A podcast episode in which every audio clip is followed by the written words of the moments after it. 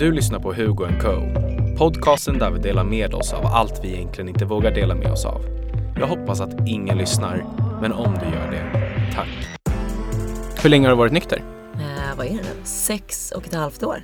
Det är ett tag. Ja. Jag tänker att vi kan ta det tillbaka från liksom för jag tycker det vore intressant om, Ja. om vi formar det här samtalet från liksom hur allting började och så går vi Ja. igenom de olika stadierna utav ett missbruk. Det Men- låter ju bra. Men vi kan börja med, för, för lyssnarna som inte vet vem du är, så kan, vi, så kan du kanske ge en liten kort intro. Hur gammal är du? Vad Ja. heter du? Vad gör du till vardags?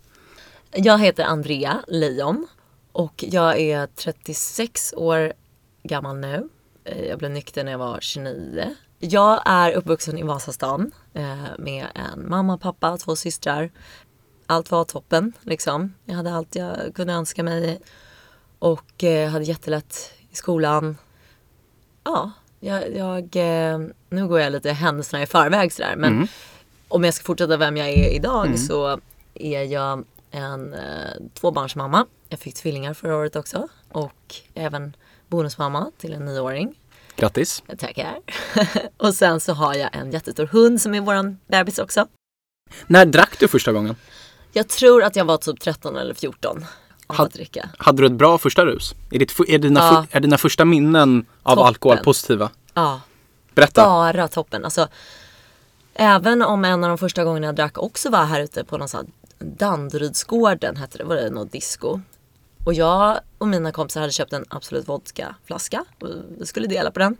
Och du vet man är ju lite snål så att när vi då hade kommit fram i kön, jag hade smygdruckit innanför jackan så här. Och så var det vår tur att gå in. Och jag tyckte så här, vi kan inte lägga bort den här spritflaskan för att den är typ halvfull. Då tyckte jag så här, men jag dricker upp den. Jag måste ju få valuta för pengarna. Så det slutade med att jag kom typ in på det här diskot och liksom spydde och ja. Mm. Men det var katastrof. Eh, och dagen efter, jag sov hos en kompis, det var vrålångest för jag har alltid varit en person som vill, ly- alltså jag vill följa regler.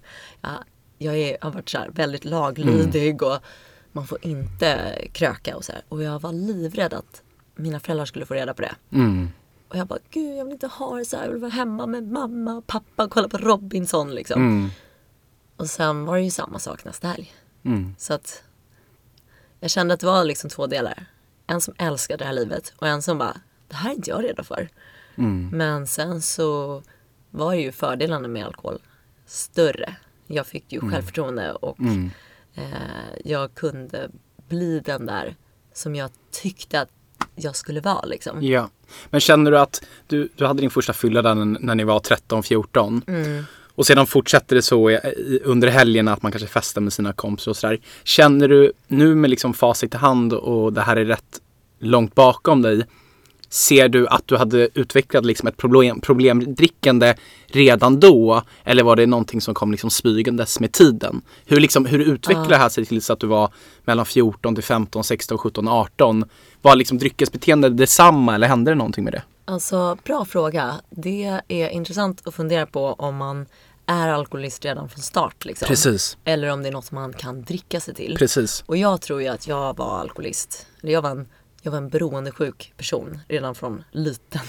Alltså jag kommer ihåg det när jag var typ sex år. Så tidigast minnena att jag, man får lördagsgodis liksom. Och jag typ snor mina systrars godis. Vi fick ju så här åtta bitar. Jag tryckte i mig dem där direkt liksom. Och sen så skulle jag sno deras också. Jag vill ha mer. Medan de kunde sitta där och bara äta en godis i taget och spara till nästa dag. Så att jag tror att när jag började alltså när jag började dricka som tonåring där. Eh, en del barn som, eller ungdomar som började dricka, de kanske känner så här, ah var kul, ja men det är inte hela världen om vi inte krökar nästa helg. Ja. Men de kanske inte har ett stort tomrum i sig som måste fyllas. Jag hade ju det. Alltså jag hade en sån här konstant oroskänsla. Så tidigt? Ja, alltså inte att jag tyckte så här, gud vad problematiskt. Jag trodde Nej. alla hade det så. Mm. Ehm, men jag hade redan då en sån här känsla av stress, nervositet, osäkerhet och en känsla av att inte riktigt så här, kunna vara mig själv. Och då när alkohol kommer in i mitt liv, då blir det en sån toppenlösning direkt. Ja. Så för mig var det ju typ eh, otroligt viktigt att när vi gick på fester då måste man ju ha med sig en häxa. Samla Ja. ihop lite sprit hemifrån. Och, Medan vissa kompisar kunde ju vara så här, ah, jag har inte fixat något ikväll. Jag bara, varför? Va? Då är det väl ingen mening. Liksom. Ehm, men det är lätt att man tänker i efterhand att så här, gud vad, vad, vad, vad tragiskt. Liksom. Men i början där så var det inte tråkigt. Alltså, Nej. det var, ja, jag tyckte livet var toppen. Ja. Alltså, visst, jag var osäker på mig själv och eh, kände mig alltid eh, ganska stressad och lite sådär. Men jag hade ju också helt fantastiskt kul. Ja. Alltså jag hade en jättebra uppväxt liksom. Ja, jag kan vara lite så. För det blir så lätt att vi när man pratar om alkoholproblematik att man alltid pratar om vad tragiskt, Det vad mörka. hemskt. Precis, och att man väldigt lätt fokuserar på det. För så är det kanske ofta i slutet av ett missbruk.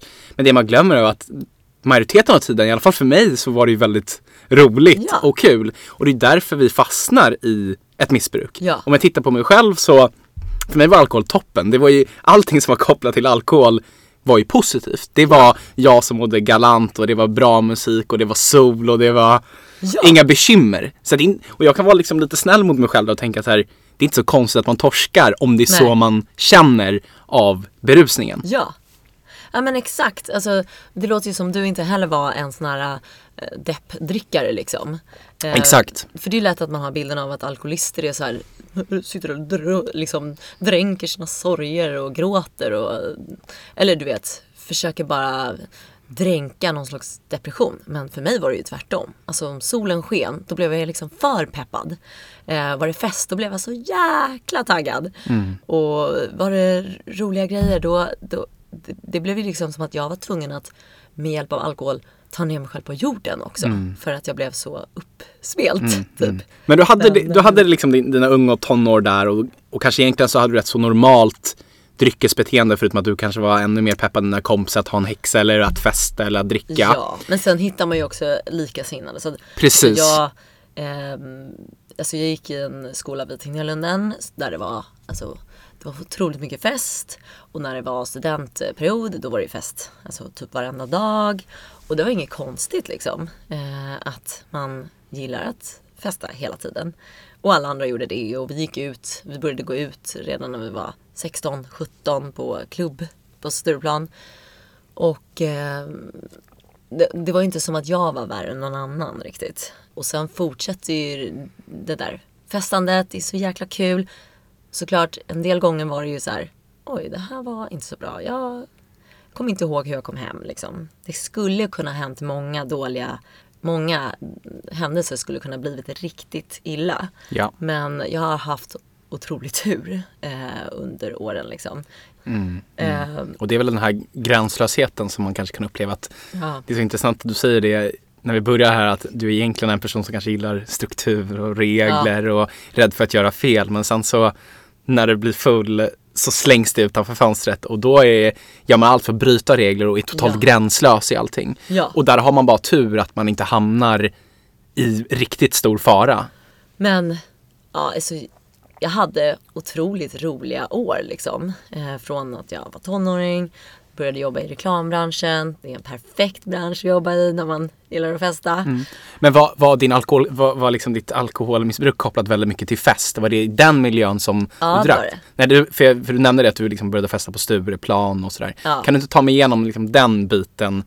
Din upplevelse av att gå ut och hänga på krogen och, och hur, hur liksom allting hände Ja, kring det? Där var det ju Alltså det var ju som att komma hem. Alltså att komma ut på någon klubb. För att eh, nu senaste åren tycker jag att det har förändrats lite. Eller jag har inte kanske varit på Laroy då, då där jag brukade hänga.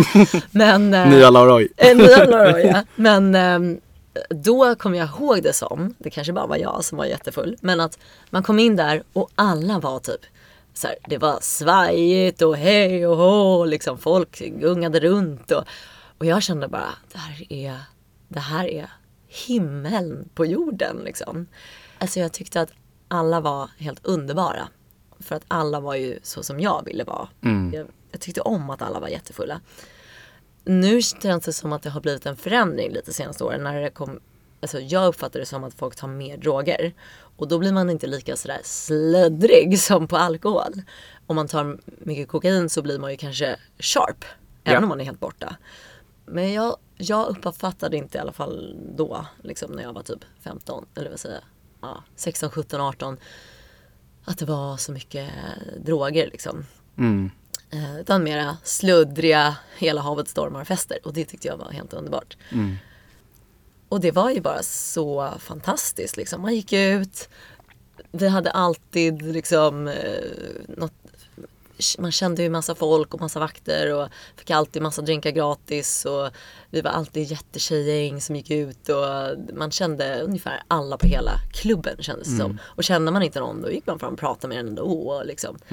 Det är det, kan alkohol gör, gör ju det. Precis. Och jag kan tänka mig också att så här, som ung tjej som är på Stureplan och då kanske man blir bjuden rätt mycket också. Ja. Tänker så här, för mig som kille i alla fall att när jag liksom var 20 och aktiv, jag hade ju bara råd med så mycket Ja, ungefär. ja men det tror jag verkligen. Alltså drink då kunde ju kosta så här, ja men 150 kronor, 200 spänn eller något. Eh, Ja, och Det blir enklare- det har man ju inte råd med en massa sådana drinkar liksom. Precis. Men vi, det var ju inget man behövde tänka på. det blir Och kanske var lättare inte- att upprätthålla som tjej alltså att Ja. du, du kan ju gå ut egentligen utan att kanske ha täckning för Ja. att dricka egentligen Ja. och det flyger under radarn medan som kille så skulle det sluta med att du troligtvis inte hade en fylla på kvällen. Nej, exakt. Alltså det är ju lite orättvist där. Det är fan inte jämställt där ute på klubben.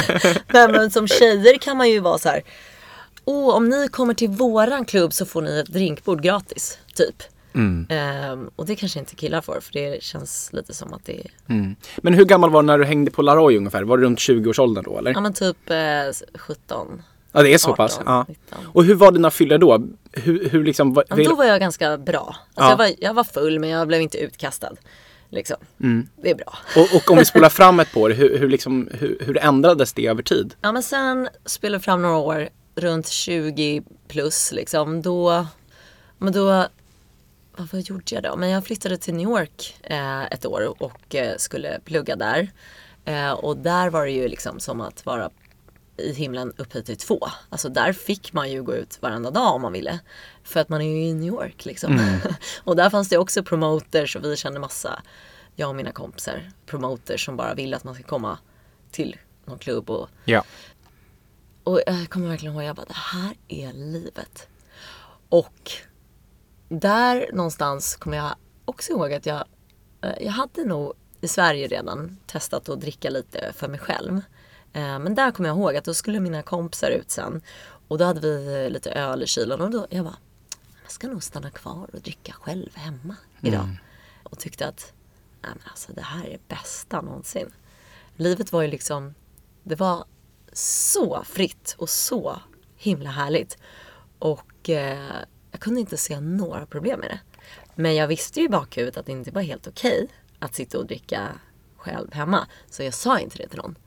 Även om jag njöt av det så visste jag någonstans att så kan man ju inte göra liksom. Så redan där började du känna att det, var, att det kanske inte var helt jag reko det du gjorde? Ja, faktiskt. Jag tror att jag var typ 22 då. Eh, Det är ändå tidigt att inse att man börjar få liksom. Ja, jag tror att jag hade nog anat lite tidigare att så här, jag har ett sug som är större än mina kompisar. Liksom. Men sen så när jag flyttade hem från New York efter ett år då, då började jag jobba i reklambranschen och då var det fest på riktigt. Liksom. Då jobbade jag på byråer där man kunde liksom, man fick typ en ryggdunk och high five om man var bakis på morgonen. Liksom. Och det var till och med så här, kokain eh, på jobbet och jag var väldigt rädd för droger. Återigen den där laglydiga, jag tyckte det var läskigt när folk tog droger. Jag, var, jag ville knappt titta liksom för jag tyckte det var så obehagligt. Men och alkohol gav ju mig exakt allt jag ville ha liksom. Och då, ja, då kom jag in i ett ännu högre tempo av fest. Och började Eh, dricka på vardagar egentligen eller? Alltså inte riktigt så här på vardagar då. Det var nog mer några år senare när jag började plugga Okej. eh, på Bergs. Ja. Eh, och, och skulle bli grafisk designer som jag jobbar som idag. Men du omgav dig på de här reklambyråerna så omgavs du av människor där man legitimerade ett hårt Ja, festande. Och det alltså, inte var några konstigheter att var vara bakis eller? Nej, definitivt inte. Alltså det var helt okej och det var jättekul liksom. Återigen, det var så här, det, jag var på rätt plats tyckte jag. Liksom. Eh, jag hade börjat få mera konsekvenser i form av att jag tappade bort grejer, jag kanske slog mig. Jag brukade alltid göra damage control dagen efter jag hade varit ute och bara, var har jag blåmärken idag? Har jag någon bula? liksom, det är inte supernormalt. Men eh, då var det mer såhär, ja men har jag tappat bort mina nycklar? Har jag tappat bort mobilen, plånboken? Men eh, sen så en gång när jag verkligen insåg att så här, här är nog inte så bra. Då var jag kanske 23 och det var dagen innan midsommar. Och jag skulle åka på en midsommarfest på Värmdö och eh, jag hade köpt allt på systemet som jag skulle ha på midsommar. Så var jag ensam hemma och jag bodde hos min mamma då. Hon var borta så jag eh, drack typ upp allt. Varför? Det är en bra fråga. Varför?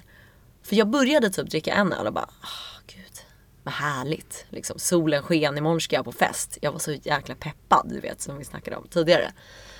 Och en öl ledde till att, ah, gud, det här är så underbart, jag ska ta en till. Gud vad härligt.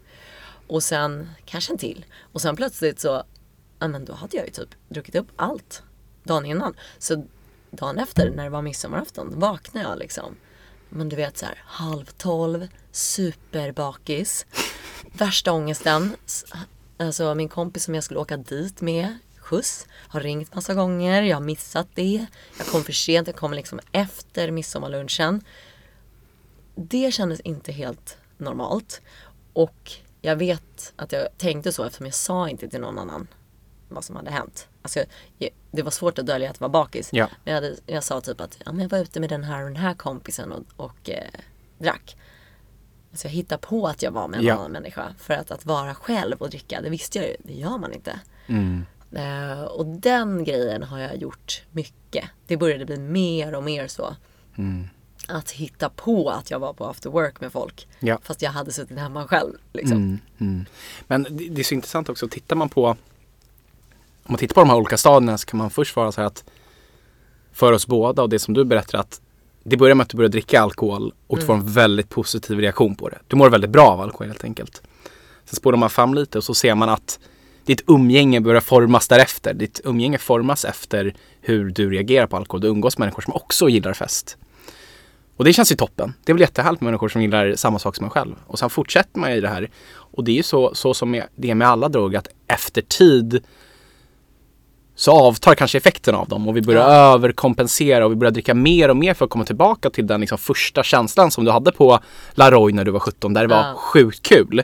Den känslan vill du alltid komma tillbaka till och lösningen på det är att dricka mera. Ja.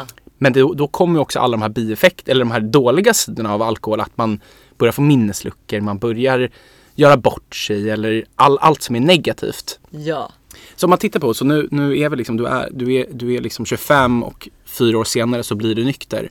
Hur gick de liksom första år, eller de sista åren för dig i, som aktiv? Hur, hur liksom, hur Ja, men- fortsätter, för nu börjar vi liksom hamna på ställen där du dricker fast du inte vill. Exakt. din omgivning kanske börjar bli observant och du är observant på dig själv att du börjar utveckla liksom ett problem. Hur, hur liksom fortlöper det här? Ja men eh, där, där någonstans så tyckte jag ju på ett sätt att jag var på liksom eh, Livet är så toppen liksom. Jag hade, jag hade fått ett jättebra jobb inom grafisk design på en reklambyrå. Eh, jag, jag fick Alltså det, det knäppa med att vara en aktiv alkoholist är att man har två sidor av samma mynt. På ena sidan är man bäst i hela världen. På andra sidan är man sämst. Liksom. Mm. Och man kämpar hela tiden för att den där sidan där man är bäst ska ligga uppåt. så jag kände mig ju liksom oövervinnlig på ett sätt. Och det gjorde att jag eh, sa upp mig från den här eh, supertoppbyrån och skulle starta eget. En egen designbyrå. Och det gick jättebra direkt. Eh, jag sprang runt och raggade massa kunder och det gick toppen från liksom första månaden hade jag full lön igen. Jag tyckte bara, men livet är ju för bra. Nu har jag till och med startat mitt eget och nu kan jag styra mina egna arbetstider. Det var inte himla toppen visade det sig sen för då hade jag liksom inget skäl att gå upp tidigt. Eh, jag hade ingen chef som egentligen jag behövde svara för att jag jobbade på dagen utan jag kunde ju börja sova på dagen och jobba på, natt, jobba på kvällen och gå ut och festa ännu mer ofta. Jag hade redan när jag jobbade på där byrån där, jag började känna så här, det- här sortens arbetstider funkar inte för mig. Att behöva vara på ett ställe 8.30, det är inte bra för mig.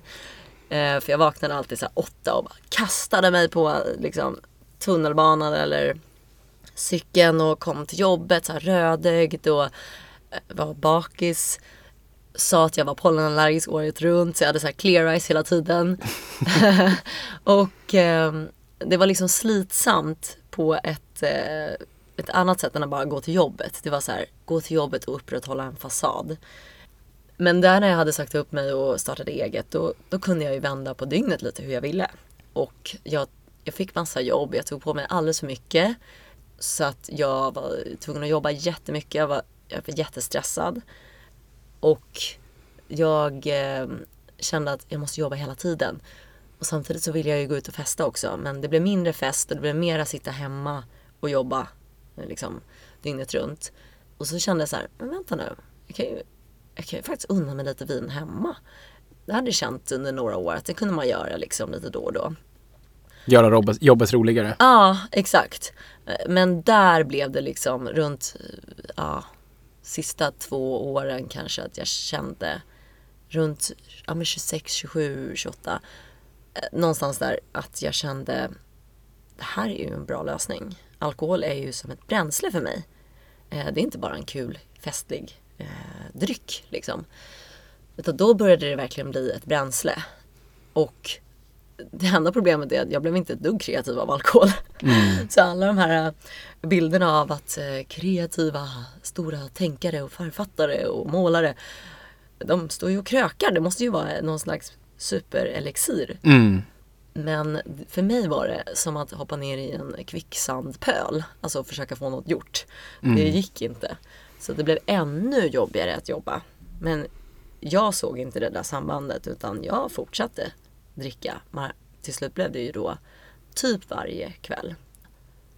Under hur lång period? Jag ville inte ens ha det så. Det var, det var säkert eh, två sista åren innan mm. jag blev nykter. Så inte varje inte varje kväll liksom, men det var, det var ofta så här, inte på måndagen, kanske på tisdagen, definitivt på onsdagen, ja. torsdagen, jepp, fredag, ja. absolut, ja. lördag, jepp, söndag, superbakis. Då mm. måste man ju också dricka lite mm. medan mm. man kollar på film. Ja. Typ. Men för det är det, det är också någonting som man, man glömmer när det kommer till alkoholism och alkoholister rent generellt är att man behöver inte dricka varje dag för att ha, ha, ha liksom problem med, med alkoholen. Det är rätt, jag tror att det är en rätt vanlig sak man säger till men jag dricker ju bara fredag, lördag. Exakt. Men du kan fortfarande ha stora problem. Du kan dricka en gång i månaden, du kan dricka var, var, ja. var tredje månad, en gång per år. Utan det handlar väl kanske snarare om vad som händer med dig när du väl dricker. Exakt. Um, För jag kunde ju ha uppehåll i någon månad här och liksom eh, främst då för att jag tyckte att jag hade spårat ur och nu måste jag göra en detox och precis. stänga in mig och leva på morötter. för man kan ju inte gå ut då. Nej, precis. Uh, men så att jag tyckte så här, men jag klarar av att sluta ibland. Men då hade jag ju inget liv heller. Precis. Uh, jag var inte social, jag var inte sugen på att träffa någon. Och successivt så blev ju också livet, uh, det blev mindre och mindre. Förut hade jag ju varit en social person. Ja som var ute och träffade människor och sådär. Sen till slut började jag tycka lite att alltså, jag vill dricka men jag, jag orkar liksom inte förhålla mig till andras tempo. Och eh, om jag går ut så gör jag ju bort mig. Och eh, det är billigare att vara hemma och jag eh, hade liksom för mycket av den här känslan av att vara stressad och orolig. Så det, det var som att den dämpades inte ens längre av alkohol. Så att jag gick ut mindre och mindre. Men fortfarande då och då liksom. Mm. Människor som eh, träffade mig då skulle inte säga att de tyckte jag hade något problem. Det är det som är grejen, det syns inte alltid utåt. Precis, och jag tror ofta så kan man gör, känna den känslan själv att man börjar isolera sig. Ja. Andra kanske inte observerar att det är precis det du gör. Nej. Men mentalt i ditt huvud så börjar du isolera dig och distansera dig från din omgivning. Jag kommer ihåg liksom i sista tiden innan jag började förändra mitt liv så kunde jag verkligen känna att att jag skämdes av mig själv. Jag ville kanske inte att människor skulle se mig eller människor skulle inte säga hej till mig. För jag kände ja. att det här var inte jag utan det här är någon, och det spelade ingen roll om jag om det var en period då jag drack eller om jag var nykter. Utan det var känslan av att det här är inte jag och det här representerar inte mig. Så jag vill inte att någon ska se mig. Precis. personen. Så jag kunde gå på gatan och vända om jag såg någon som jag kände. Och det liksom nu, nu, nu i efterhand så kan jag se att det är så intressant för det är så långt ifrån den personen jag är idag. Ja. Att jag älskar ju att säga hej till människor och vara trevlig och social. Men där liksom så så hände det någonting med mig där till och med jag började skämmas över mig själv. Över att jag visste Åh, den här, ångest jag tänker Ja. på det. den, här sto- den här stora lasten som man hade hos sig själv. ehm, som man inte ville att någon skulle se. Nej. Egentligen. Gud, jag kunde typ att sätta på mig keps bara för att gå till ICA liksom, och handla mat. För det var så här, jag vill inte träffa någon. Ingen får se mig nu. Nej, man blir lite folkskygg liksom. Eh, och sen ett skäl till att många människor som träffade mig där sista åren och säger att så här, Va, jag märkte aldrig att du hade några problem. Nej men det var ju för att när jag var ute bland, på fester eller minglade eller middagar så här, då var det ju som att det var stora showen. Jag satte på en fasad, jag var liksom sminkad topp, från topp till tå eller man ska säga. Man styr upp sig liksom på en hög nivå och ja, men det var inte som att jag bara kom som jag var om man säger så. Mm, Liksom. Utan, och alltid gå på middagar innebar ju för mig att jag först eh, körde lite förkrök för mig själv hemma. Apropå det som vi pratade om tidigare, att då säga att jag hade varit med någon annan på after work. Fast jag var ju egentligen själv hemma och bara drack vin, sminka mig, lyssna på musik. Men lite för mycket vin för att det skulle vara okej. Och det är intressant, för vad är egentligen gränsen? Är det okej att ta ett glas vin när man dricker hemma och sminkar sig? Men att dricka fyra glas vin, inte så himla okej. Eller tre eller två. Ja. Men där, sista året, då började jag ju känna att nu är det inte särskilt superkul längre. Alkohol är fasen, eh, det är en hatkärlek för mig. Liksom. Precis. Och jag tror liksom inför att man blir nykter så börjar det nog ofta med att man kanske sitt sista år verkligen börjar reflektera över sitt drickande och förstå att det börjar bli ett problem. Innan jag blev nykter så hade jag kanske under ett års period vet, googlat massa, liksom, massa poddar, sett massa dokumentärer där det började liksom sakta men säkert klicka i mitt huvud att så här, okej min reaktion på alkohol är inte normal. Nej. Och det var det som förde mig mot nykterhet. Jag kanske fortsatte som jag hade gjort men jag hade börjat bli mer och mer observant på mitt egna beteende egentligen. Men i den här perioden då, di- dina, ditt sista år där du började liksom verkligen känna att det här inte bra. Men var det någon i din omgivning som också började, började reagera? Var det någon som liksom sa åt dig eller var det en partner eller familj som hade börjat lägga Ja. liksom pusslet? Jag har liksom aldrig egentligen blivit tillsagd att så här, nu får du lugna ner dig. För även om jag festade och jag blev superfull, jag fick minneslyckor i flera, liksom, flera timmar och jag gjorde bort mig och allt möjligt. Så ah, man umgicks med folk som var likadana. Människor vill ju vara schyssta och ser att man har ångest så kanske säger så här, men gud du är ung, det är bara kul och det var ingen som såg och det där, liksom du kommer glömma det där, gå vidare nu. Farligt när, eh, när omgivning börjar att Ja men klappa en medhårs. Väldigt farligt. Och speciellt vet du att kan se människor som kanske känner att ens dryckesbeteende inte är normalt Ja. och vaknar upp kanske en söndag jättemycket ångest. Men att man då ringer liksom sina enablers. Ja. Att man ringer människorna som man vet kommer säga att det är lugnt, det där händer Du är alla. så eh, gullig och det där Precis. var bara roligt och du är ju bara ung och det är ingen som såg. Exakt. Men det man gör, man gör sin vän en, en stor otjänst tycker jag när man, när man inte säger sanningen. Jag tror att det bästa man kan göra är att faktiskt säga så här. Det där är inte normalt. Och Nej. jag tycker inte att det är bra. Men med det sagt så betyder inte det att du är en dålig vän eller att jag tycker illa om dig. det är att vara en bra vän. Det är att vara vara bra vän. Precis. Att säga så som det är. Problemet är ju att det är läskigt att säga så till någon som har ett problem för att alltså, hade någon sagt så till mig då hade jag ju tyckt att den var jobbig och jag hade stött bort den. Liksom. Ja. Jag hade inte gjort det tydligt för jag var inte en sån som liksom bråkade med folk och höll på sådär. Jag hade inte sagt såhär, vad fan säger du? Jag gör vad jag vill. Så hade jag inte gjort. Utan jag hade bara moonwalkat iväg från den personen och liksom tagit avstånd. För jag gillade inte att känna om någon såg igenom mig eller såg att min perfekta fasad liksom var ett, ett skämt eller var fake. Så jag hade egentligen inte fått några direkta eh, tillsägelser eller klart jag hade blivit utslängd från Spybar och sådana där saker. Men det tyckte man ju bara var lite roligt dagen efter och sådär. Ja. Men jag träffade min nuvarande man sista året eh, som aktiv. Och vi kände varandra sedan många år tillbaks. Från, vi hade lärt känna varandra i New York. Men vi började dejta där sista året i min eh, aktiva period. Och eh, han fick ju verkligen träffa den här eh, den fasaden utåt först. En festlig tjej som är jätteglad och peppad på livet liksom. Och hemma när jag inte var med honom, då var jag hemma, satt och jobbade och eh, drack mitt bränsle för att orka liksom. Och sen träffade jag honom, då var jag en lyckad och peppad tjej som var superfräsch och springer maraton.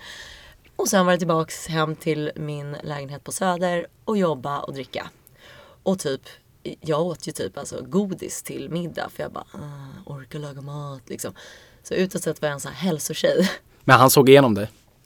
Ja, efter ett tag så ah, ah, Alltså vi, vi gick ju på många roliga fester och bröllop och sådär. Och han tyckte ju att det var skumt att när han var typ så här, herregud vad vi har kört hårt nu. Nu måste vi åka hem. Då kunde jag vara så här, nej vad fasen, nu är det efterfest och jävla mes typ. Och han tyckte ju också att jag blev personlighetsförändrad på fyllan. Jag, jag var ju liksom en glad och snäll person i vanliga fall som eh, inte bråkade med någon. Men på fyllan då, alltså jag kunde skälla ut honom och jag startade bråk och jag var sån drama queen liksom. Varför togs det fram när när du drack tror du? Jag tror att jag hade inte sagt eh, till någon vad jag tyckte under alla mina år liksom. Om någonting egentligen? om någonting. Mm. Alltså jag, har all, jag hade alltid varit en väldigt så här, eh, du vet, snäll person inom citationstecken som egentligen inte riktigt står upp för någonting utan lite kameleont så här, passar in. Och eh, han fick ju ta det liksom. Och varför fick han ta det? Jo, för att på något sätt så jag hade inte hållit på som med andra, jag hade inte hållit på som med kompisar. Men med honom så kände jag mig väldigt trygg. På ett helt nytt sätt. Och det kändes typ som att han började se igenom mig. Och jag kände att jag började känna mig ganska rädd också för att så här, ah, shit alltså jag är jättekär i honom och inte bara jättekär utan jag kände så här, jag älskar honom liksom. Och samtidigt så har jag ju min andra stora kärlek där hemma, flaskan. och eh, det var verkligen så här, aha, hur ska vi göra nu liksom? I mitt huvud. För att jag, eh, vi började prata om att flytta ihop och hur skulle jag hur skulle jag upprätthålla det här drickandet varje dag hemma med honom? Det skulle inte gå det var ju några kvällar när vi var hemma och kollade på film liksom och hade så här myskväll. Och jag fick det här suget. Man kanske hade druckit lite vin till maten tillsammans. Eh, så gick vi och satt och skulle kolla på film. För honom var det ju lugnt. Mm. För mig Men du ville fortsätta? Ju, det hade ju kickat igång det här mersuget. Så då kunde jag ju säga Jag ska bara gå ut i köket och hämta lite vatten.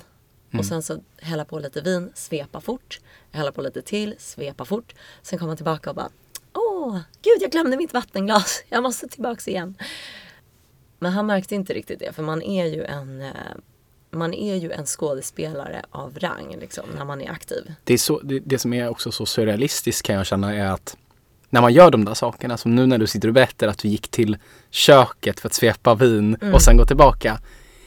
Man hör ju hur sjukt det beteendet är. ja. Men när man gör det så reflekterar man inte kring det. Du vet, jag kommer ihåg liksom att jag kunde liksom sitta och äta middag och så hade vi kanske köpt liksom, du vet, en eller två flaskor vin. Och det var ju, det, det var min, min känsla innan, när jag var nykter. Då ville jag ju inte bli packad eller skjuta ut mig. Nej. Så då kändes ju en flaska vin fullt tillräckligt. Det var ju ja. bra. Det var ju två, två, tre glas var liksom under middagen. Problemet var att när jag hade fått i mig liksom första glaset eller andra glaset så kom det extrema mer suget och då insåg ja. jag, fuck den här flaskan kommer inte ta slut. Fan vad man kunde gasa på för att få sin vilja igenom och för att få fortsätta. Ja. Jag kommer ihåg att mina middagar slutade ju alltid med utgång. Fast ja. jag hade bestämt mig att efter middagen så ska vi kolla film. Ja men du beskriver ju mig liksom. Det, mm. där, skulle ju, det där var ju jag också. Mm. Men det är ju på något sätt som ett eh, lotteri kan jag ibland känna att vissa når sin botten typ där. Att det kan vara en botten, att känna så här, så här vill inte jag hålla på. Och vissa når sin botten när de hamnar på akuten och har tagit en överdos. Och vissa når inte ens sin botten då utan går direkt från akuten och börjar dricka igen. Liksom, eller ta droger. Och jag är så himla, himla tacksam över att min botten var ju, alltså det räckte med att känna att så här, jag vill inte leva det här dubbellivet. Det slutade, alltså i slutet var det så här, jag, jag, jag fyllde på mitt glas med handglas och jag smygdrack lite här och där. Ja. Och vi började liksom, eh, vi skulle flytta ihop och det gjorde mig bara stressad. Fast att jag ska flytta ihop med min drömkille så tycker jag att det är ett problem. Men du, så, du såg inte han som din räddning på... Eh, jag tyckte ju först att det är jäkligt härligt att ha en kille som också är festlig och kul. Men han var inte alls på min nivå liksom. Han gillade att gå ut eh, och dricka lite liksom, drinkar och sånt där. Men sen ville han ju ta det lugnt och ville inte köra på på det sättet jag ville. Och han, eh, alltså man blir ju inte en pålitlig människa när man är aktiv. Jag hade ju liksom varit den där laglydiga eh, som tycker att man ska följa reglerna och vara snäll. Min moral försvann ju också. Jag var ju en som ljög väldigt mycket och jag ljög för honom massa och jag var inte alls en pålitlig schysst tjej liksom. Och jag kanske för, för dig själv också. Ja, För det- definitivt. Det är det man gör kanske, att man, försöker, att man ljuger för sig själv. För det är, så Ja. man kanske, det är så man klarar av att fortsätta med, Ja. med sitt dåliga beteende. Att så här, man har inte fullt accepterat det för sig själv. Nej. Ehm, Eh, verkligen. Alltså det, det är ju så knäppt att så här, av alla gånger jag eh, krökade och jag vaknade upp och jag alltså, nästan dunkade mitt huvud i väggen för jag bara hur fan kunde det bli så här igen? Och alltså vad är jag för knäpp människa? Man, man gör riktigt eh, dumma grejer, man är taskig mot folk och man gör bort sig och hur mycket skit som helst händer. Så ingen av de gångerna var min botten. Eh, utan det var så här en parmiddag som vi var på. Jag, min man, då var vi bara ihop då. Och sen ett annat par. Vi var på en restaurang. En vanlig, liksom, vanlig kväll och eh, vi hade barnvakt till hans son hemma och skulle vara hemma klockan tio till barnvakten. Men när klockan började närma sig tio så hade vi ju suttit och druckit, druckit vin. Och mitt begär hade ju kickat in. mm. Och då sa han, eh, du nu måste vi börja dra. Eh, tack för ikväll hörni. Eh, nu ska vi hem till barnvakten. Och jag eh, kände bara, jag kan inte gå hem till barnvakten. Eller jag kan inte gå hem. Mm. För då kommer vi ju kanske inte fortsätta dricka. Så jag bara, ja ah, men du får gå hem. Eh, jag tror jag stannar kvar här med eh, er. Och de, det andra paret var typ så här, jaha. De hade nog också tänkt att de skulle gå hem. Men eh, vi stannade kvar och eh, drack massa vin. Och jag vaknade upp liksom flera timmar senare, typ klockan tre någonting, fyra kanske. Av att då min eh, kille typ försöker skaka liv i mig. Jag står typ upp i något rum hemma, har tagit mig hem liksom. Vet inte hur jag har tagit mig hem, vet inte vart jag har varit. Jag bara går runt som en zombie liksom och han bara hallå, hallå vad, vad har du varit, vad gör du? Alltså är du där inne typ? I, i dig själv liksom. Och jag, jag var helt borta och visste inte vad jag gjort liksom. Och det är inte värre än någon annan kväll. Men det som hände var att jag var nog så jäkla trött på att, att det blev så här liksom. Varenda jäkla gång. Och jag var också för första gången riktigt, riktigt rädd att förlora någonting. För tidigare har jag varit såhär, äh, jag förlorar det där, jag kan bygga upp nytt. Jag förlorar det där, jag kan bygga upp nytt. Men i det här fallet så var det så här, nästa dag när jag vaknade, vrål mycket ångest, jättebakis. Och insåg att jag kan fan förlora honom. Och det vill jag inte. På riktigt den här gången liksom. För han var inte heller en sån som kunde bli överkörd. Liksom. Utan han frågade ju direkt. Du vad hände igår liksom? Eh, det här beteendet är inte okej. Alltså du var så jäkla packad. Jag vet inte vad som händer med dig när du blir full. Du blir ju helt, du blir, du blir helt galen. Mm. Och i vanliga fall så hade jag ju direkt en eh, förklaring till Ja. det. Ja, men jag måste ha blivit eh, liksom, jag vet inte vad, det var säkert absint i glaset eller eh, det var, jag var kvar för att den andra var ledsen eller så mycket bortförklaringar Ja. liksom. Till varför det inte var mitt fel. Ja. Men den här gången så var det som att det där window of opportunity som man kallar det bara öppnades i typ en sekund. Och jag kände så här, jag kanske ska säga nu att jag inte vet vad jag håller på med. Otrolig känsla. Alltså så läskigt. Det var som att hoppa bungee, eller stå innan Mm. man hoppar med och bara okej, det lockar. För det är spännande, vad kommer hända nu? Samtidigt, kommer jag dö nu? Han kommer nog göra slut med mig, trodde jag. För jag hade den bilden liksom att eh, man kan ju inte ha ah, problem med alkohol. Precis. Det går ju inte. Men jävlar vilken lättnad det är när man, för mig i alla fall, för mig var det ju exakt likadant att det var precis när jag hade köpt min nya lägenhet. Och det skulle vara liksom en ny start. Och redan, redan månad ett så inser jag att så här, okej jag kommer förlora den här lägenheten nu. Jag har inte råd att betala min räkning som kommer imorgon. Första månaden. När jag hade sagt till mig själv att jag skulle göra annorlunda den gången. Jag kommer ihåg att jag vaknade upp då liksom en helt vanlig söndag och det här var inte en, en stökigare utgång än någon annan gång utan det var så här det var liksom. Jag vaknade upp och var så här. Jag hade fått det sista beviset att så här, vad jag än gör så blir det exakt likadant. Att så här, nu sitter jag här i min nya lägenhet som jag har förlorat, kommer förlora om en månad för att jag, kom, jag kan inte kontrollera pengarna jag dricker och kommer inte ha råd att betala räkningen för den.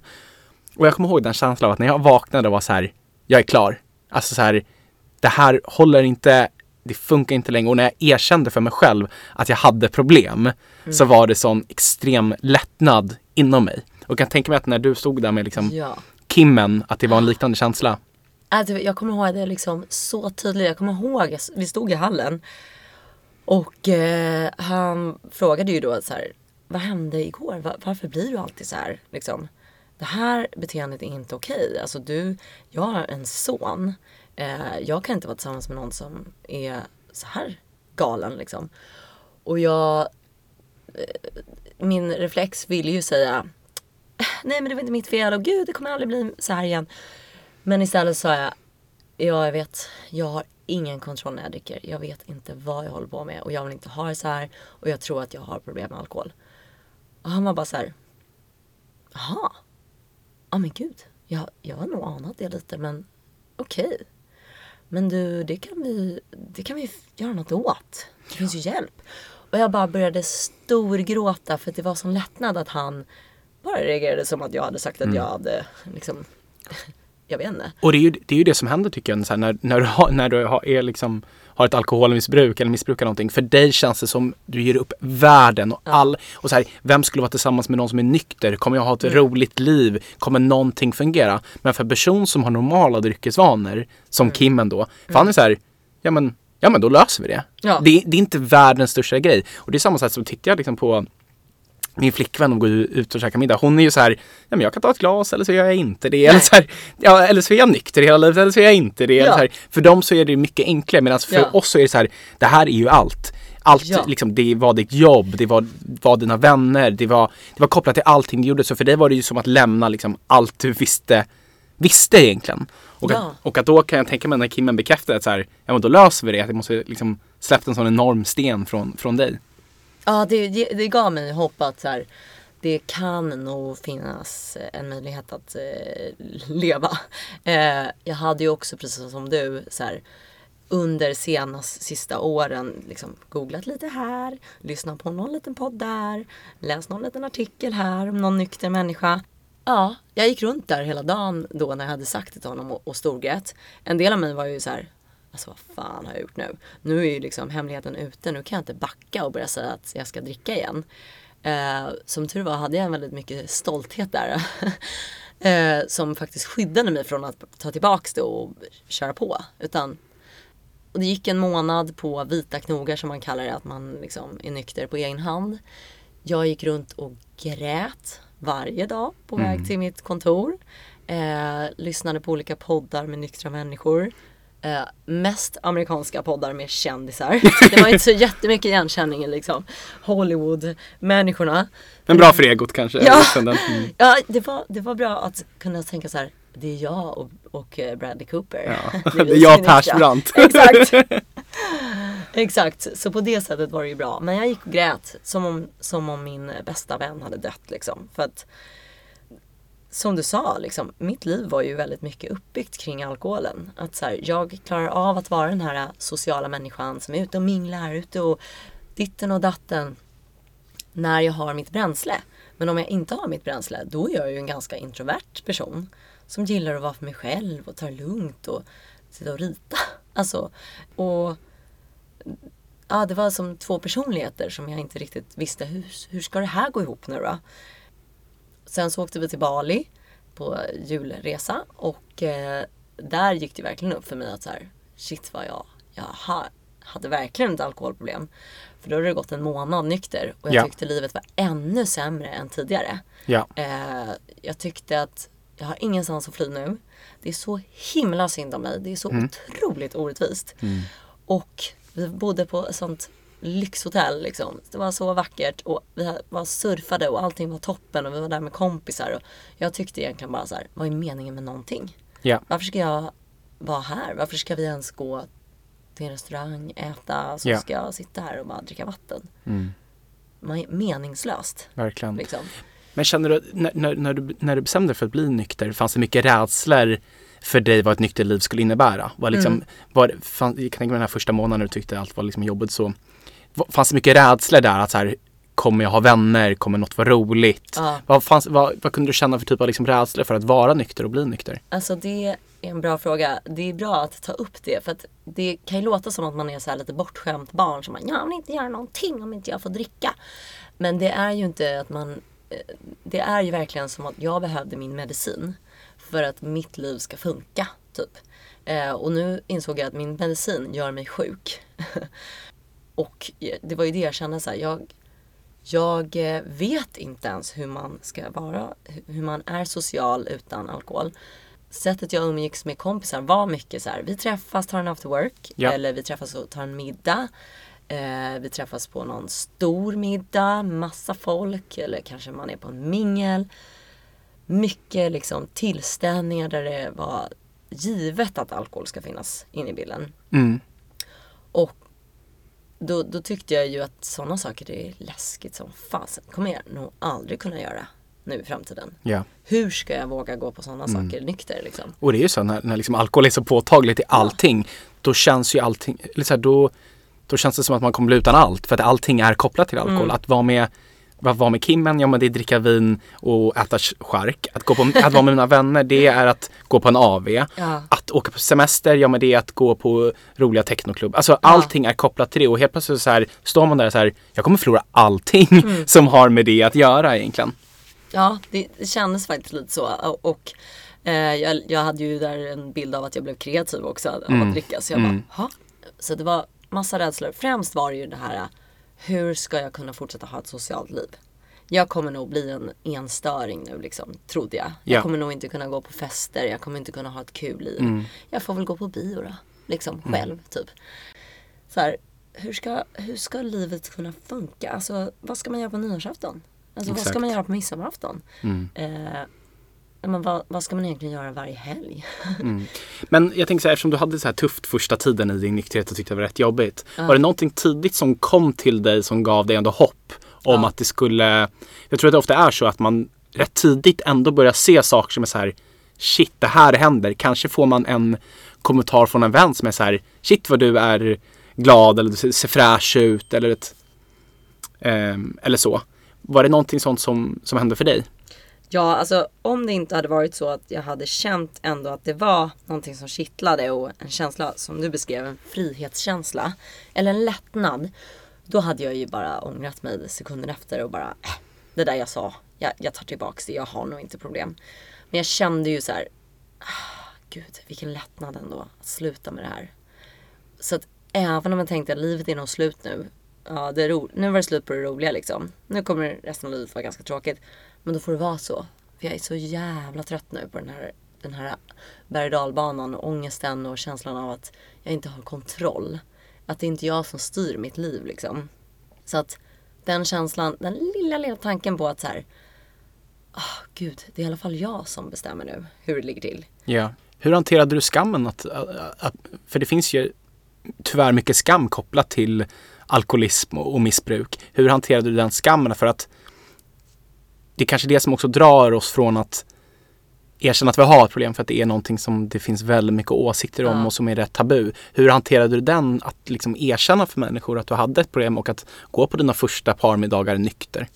Alltså, det var ju väldigt lyxigt för mig att vara tillsammans med min kille. För att han är väl, alltså han är så trygg. Och han var bara så här, som att det inte var en grej till alla vi träffade. Han bara, ah hörni, vet ni Andrea har varit nykter i tre veckor nu. Hur fet, hur grym är hon? Och även om jag typ kanske var lite så här tyst av mig så kände jag mig otroligt stolt. Jag hade aldrig tagit upp det själv. Men det var skönt att han liksom tog upp det åt mig och då var ju alla jättepeppiga och bara Gud vad bra, berätta mer! Ja men fan vad kul och jag har en kompis som är nykter. Och... Så det var skönt att han hjälpte mig liksom att hitta någon slags stolthet i det. För jag skämdes ju som en, alltså som en tok. Eh, jag tog inte upp det. Jag kände mig som en liten sårbar liten blöt fläck typ. Så det var jätteskönt. Att han var hela tiden så peppig och liksom ja, hjälpte mig att hitta ett sätt att prata om det typ. Men där på Bali så var det ju som att jag liksom nådde någon slags botten. Jag var så deppig och liksom, jag berättade en massa sjukt dumma grejer jag hade gjort och jag, det var verkligen som att så här, jag bara släppte allt liksom. Och, eh, Clean slate. Ja, verkligen. Jag bara, det här är jag liksom. Och eh, då var det ju typ så här, jag tror att Kimmen eller vi kom fram till att jag kan nog inte göra det här på egen hand. Jag måste nog verkligen ta hjälp. Ja. Och jag fick ett nummer till en kille i det talsprogram som vi går i. Eh, av en kompis och eh, jag ringde honom. Han svarade glad och pigg och eh, lät som att eh, han hade ett bra liv liksom. Jag visste inte vem han var men han svarade och bara Tjena Andrea! Alltså gud vad kul att du ringer för vi, vi sågs ju på den här festen du vet för, förra året. eh, och jag bara va? Gjorde vi? Och då hade vi varit på någon maskeradfest liksom. Då, jag kommer ihåg honom för jag kommer ihåg vad han är utklädd till och sådär. Och tänkte va? Var han nykter då? Han var kul! Han som var ju så i gasen liksom. Han var ju jätterolig. Eh, och såg jag avslappnad ut till och med. Och då hade han varit nykter där. Så det gav ju jättemycket hopp. Och han sa att du, jag fattar att du mår dåligt nu och eh, livet känns som att det suger och sådär. Men eh, när du kommer hem från den här resan så går vi på ett möte och eh, så tar vi därifrån. Och det var ju helt fantastiskt att hänga upp liksom livet på att så här, jag har en plan. Så kom jag hem, gick på möte med honom, det var superläskigt och eh, det enda jag visste om möten var ju det man har sett på, på liksom TV. Och jag trodde ju att jag skulle svimma och, och eh, typ spy samtidigt för jag var så himla nervös. Och så skulle man ju dela, det gick ju delningsrundan gick liksom stol efter stol och människa efter människa som delade om att de hade mått precis som jag men nu mådde de bra. Och jag kände ju mer och mer hopp växa samtidigt som att jag blev mer och mer nervös ju närmare det blev min tur att dela. Och vad, vad är det man säger då när man delar första gången? Eh, man får ju dela och säga precis vad man vill. Eh, vissa säger ju bara hej hej, det här är mitt första möte eller sådär. Sa du att du var alkoholist första Ja, gången? jag sa så här, hej jag heter Andrea och jag är alkoholist. Och sen började jag storgråta. Men eh, jag storgrät och eh, jag sa typ att jag håller på att förstöra mitt liv. Och eh, ja, efter mötet så var det bara massa trevliga människor som kom fram och Tror du att man måste gå på möten för att, säg att man lyssnar på det här och känner att man har problem med alkohol. Tror, att, tror du att man måste gå på tolvstegsmöten för att bli nykter? Alltså jag vet inte eh, hur det ser ut för andra men för mig hade det inte hjälpt att sitta hemma och liksom försöka fixa det här på egen hand. För Varför, det, varför har har mötena varit så viktiga för dig? Alltså för att känna en gemenskap, en känsla av att jag inte är unik. Det är inte något skambelagt i att jag har betett mig som jag har gjort. För på mötena har jag hört hundratals människor berätta, precis som du gjorde förut, så här, exakt samma story som jag. Och då känner man ju, okej, om det är en annan här som säger det, då är det ju säkert många fler som har gjort de här sjuka grejerna. Och då känner man inte lika mycket skam längre.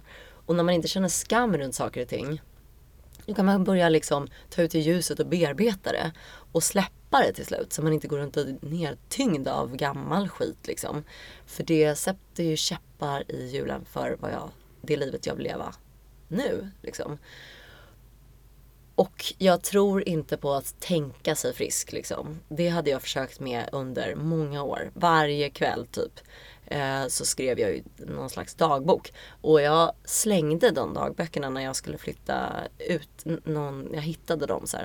Jag bara slängde det. För alla sidor var exakt samma sak. Eh, I helgen ska jag inte dricka mer än tre glas vin och max två drinkar. Och sen så bara, ja det gick inte så bra. Eh, den här veckan ska jag inte dricka varje kväll. Jag ska träna istället. Och sen så ser man hur att det inte gick så bra. Alltså som en sjuk människa. Och det är ju sinnessjukt. Jag gjorde samma sak. Jag brukade skriva, skriva i notesen på min iPhone så här, Ja. men på fredag, jag, vet, jag hade bestämt mig nu när jag skulle flytta till min nya lägenhet. Så jag sagt så här, men fredagar då, jag, då kan jag dricka så här, ja, men en vin, flaska vin typ. Lördagen, ja men då kanske man du vet, tar två öl. Och så Ja. håller jag mig till det. Och så är intressant att se hur snabbt man, man kastade ut de där notesen Ja. och körde på ändå. Och jag tror så här att när man tänker så mycket på alkohol och hur man ska dricka, det är rätt talande för att man har problem. Mm. För en normal person behöver inte reflektera så mycket kring hur man dricker på det sättet för att det känns väldigt naturligt på ett sätt. Nej, en normal person behöver inte skriva upp massa regler Exakt. för sig själv. Och framförallt så kommer inte den att bryta alla de reglerna. Precis. Jag brukar också sätta ett alarm eh, på mobilen när det var dags att gå hem. Vad tror du jag gjorde med det alarmet? klicka bort. Snosade. Tills jag bara, äh, skit i det. Jag lägger mobilen någon annanstans. Liksom, stänger av det. Eh, Sämsta idén liksom. Men ehm, Och jag tror också en sak som är väldigt kraftfullt med tolvstegsmöten.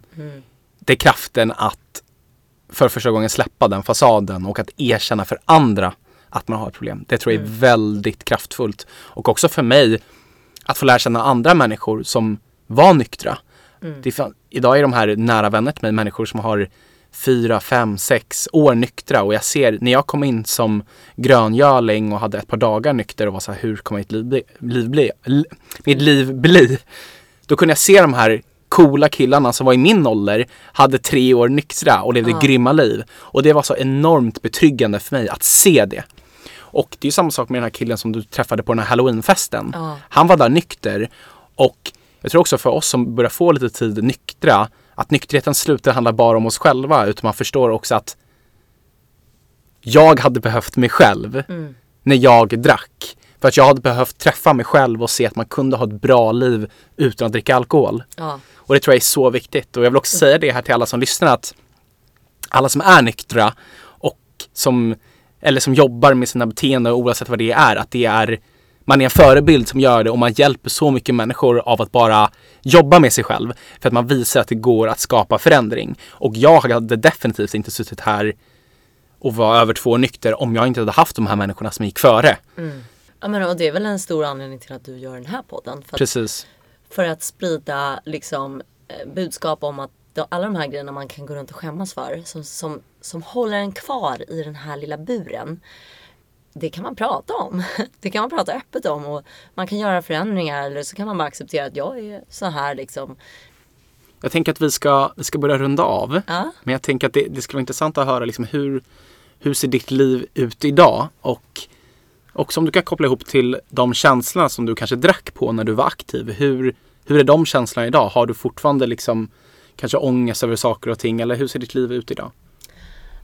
gud vad det är roligt att tänka hur det såg ut förut och hur det ser ut idag. För att då, det är då man verkligen kan känna att det har hänt så sjukt mycket grejer. Förut så var jag ju väldigt rädslostyrd liksom. Och jag var ju väldigt nervös.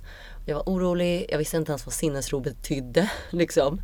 Eh, det var ju något jag bara kände när jag drack. Men eh, idag så känner jag mig, alltså jag har sinnesro jätteofta, inte hela tiden. Däremot så känner jag mig lycklig, typ hela tiden. Alltså jag vaknar varje morgon och känner Woho! En härlig dag! Det låter ju som att jag överdriver men jag menar verkligen allvar. Varje dag tidigare då vaknade jag och hade en riktig klump med ångest. Min grundinställning var ångest, oroskänsla. Och eh, jag har typ aldrig ångest längre. Livet är ju som jag sa tidigare, det är bättre än jag någonsin hade kunnat föreställa mig. Liksom. Jag hade aldrig kunnat tro att jag skulle så här, men jag jobbar fortfarande med, med design. Jag tappade inte min kreativitet utan det blev bättre. Jag började eh, respektera min egen tid. Jag tar inte på mig för mycket jobb längre. Just nu är jag mammaledig. Eh, tycker det är helt fantastiskt. Jag fick ju tvillingar förra året så de är drygt ett år. Jag tror inte att det hade varit överhuvudtaget möjligt att ha tvillingbebisar och tycka att livet är helt fantastiskt om jag hade varit aktiv. För då hade jag ju då hade jag velat liksom ta en after work här och där och dricka lite på helgen som vanliga människor inom situationstecken. Men för mig hade det ju inte stannat där liksom. Nu är varenda dag så jäkla härlig liksom. Och eh, det här med att få ett tråkigt liv. Alltså mitt liv blev ju det var jättekul förut och jag har varit massa fester. Ja men nu är mitt liv fortfarande svinkul. Och jag tycker att det är så mycket mera som är roligt än att gå på fest. Förut var det det roligaste jag visste. Nu går jag också på massa roliga fester och festivaler. Och jag och min man älskar att anordna fester så vi sitter ju nu i vår källare som vi har inrett till en klubb. Väldigt coolt. Men eh, för att kunna ta festen hem till oss. Men jag, det finns så mycket mer som jag tycker är kul. Liksom, mm. Och som jag vågar satsa på. För att jag är inte rädd längre att ja, men jag kan försöka göra grejer men jag kommer rasera det sen. Liksom. Mm.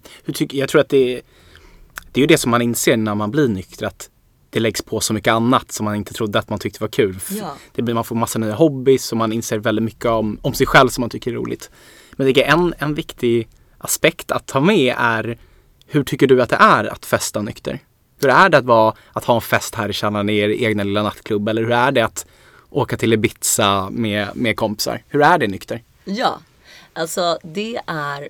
Jag var på Ibiza för tre veckor sedan på en fest. Eh, en 40-årsfest. Och det är liksom... Eh, det är en helt annan grej än om jag hade varit där aktiv. Liksom. Då hade jag ju kört järnet kan man säga. Nu är det ju som att vara på en, så här, en trevlig semester med lite dansinslag. liksom. Eh, det jag tycker är kul är att så här, dansa. Jag dansade aldrig tidigare i mitt aktiva liv. Då var man ute för att kröka och liksom mingla och bla bla bla. Men jag kommer ju aldrig ihåg vad folk sa. Så det var ju inte så jätte... Eh, det var inte så jättebra mingel egentligen. Men nu för tiden så går jag ju ut och dansar. Och jag minglar ju fortfarande och pratar med folk och tycker det är superkul. Det sköna är att jag kommer ihåg vad alla säger också. Och jag säger inte massa grejer som jag inte står för dagen efter. Skönt. Det är jätteskönt. Och det roliga är att det är, det är ju ofta som nykterheten kommer på tal när man är ute för att eh, människor blir ofta ganska nyfikna och jag har sen start, sen, sen jag blev nykter, försökt att vara öppen liksom. För att jag vet att det hjälper mig att lägga korten på bordet och det hjälper andra kanske att få se att jaha, där står hon och dansar men hon är nykter.